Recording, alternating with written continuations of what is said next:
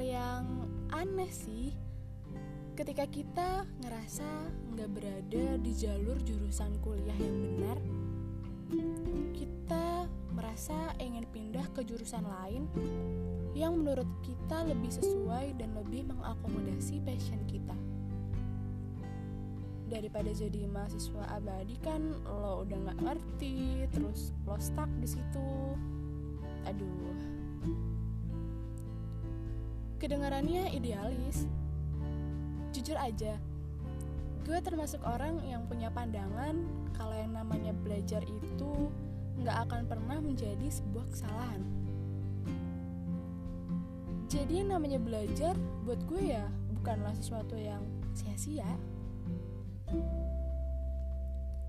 Paling nggak ada tiga definisi belajar menurut KBBI, yaitu berusaha memperoleh kepandaian atau ilmu, berlatih, dan berubah tingkah laku atau tanggapan yang disebabkan oleh pengalaman. Jadi yang namanya belajar tujuannya nggak lain adalah mendapatkan ilmu yang bisa kita peroleh melalui teori seperti membaca, menulis, maupun praktik. Supaya bisa kita terapkan dalam kehidupan sehari-hari. Dan hendaknya ilmu yang kita peroleh itu bisa kita manfaatkan untuk meningkatkan kualitas hidup diri sendiri dan orang lain. Dalam proses belajar, mungkin banget kita akan nemuin kegagalan dari kegagalan itu, kita jadi tahu mana yang benar, mana yang salah.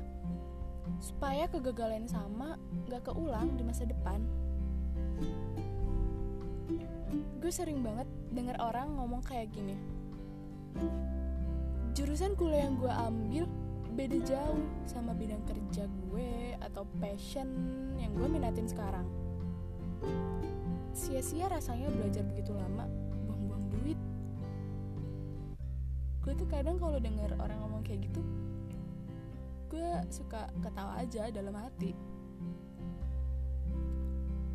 emang sih mendapat jurusan yang sesuai dengan passion mungkin emang menyenangkan ya bisa dibayangin nih lo bisa berkembang di zona nyaman lo tanpa ada tekanan yang terlalu berarti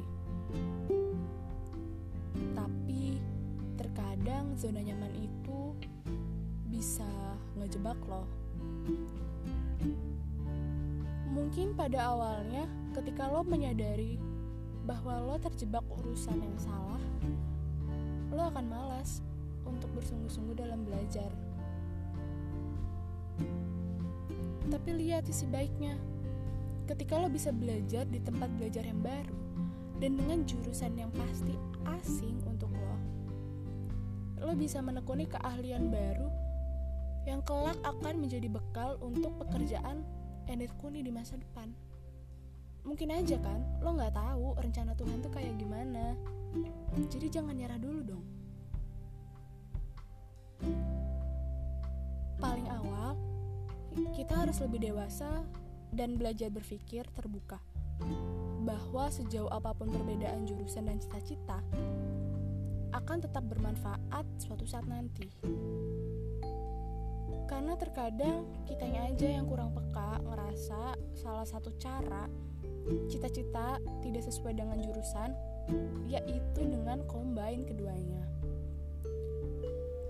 Bangun personal branding yang unik dari karya-karya yang lo hasilkan agar orang lain cepat mengingat diri lo ketika ngeliat karya lo itu.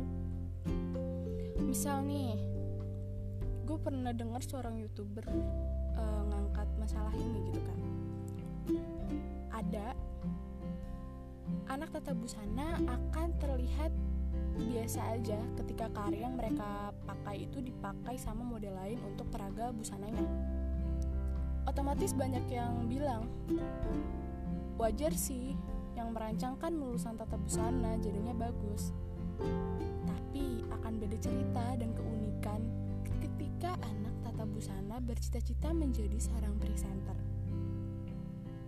Alhasil, dia bisa tampil sebagai MC dengan gaun cantik hasil rancangannya sendiri. dan dia akan diingat karena gaun cantiknya.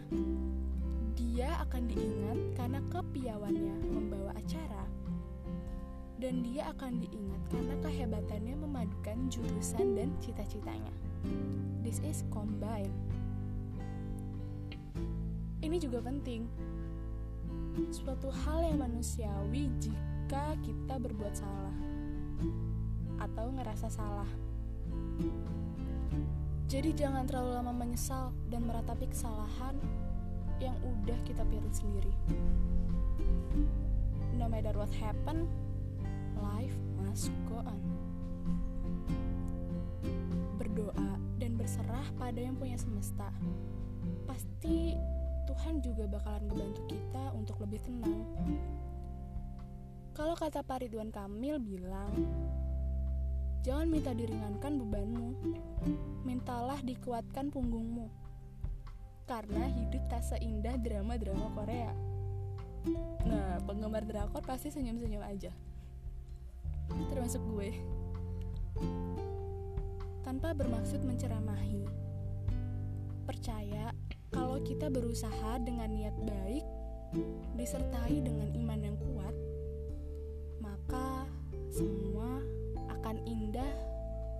pada waktunya.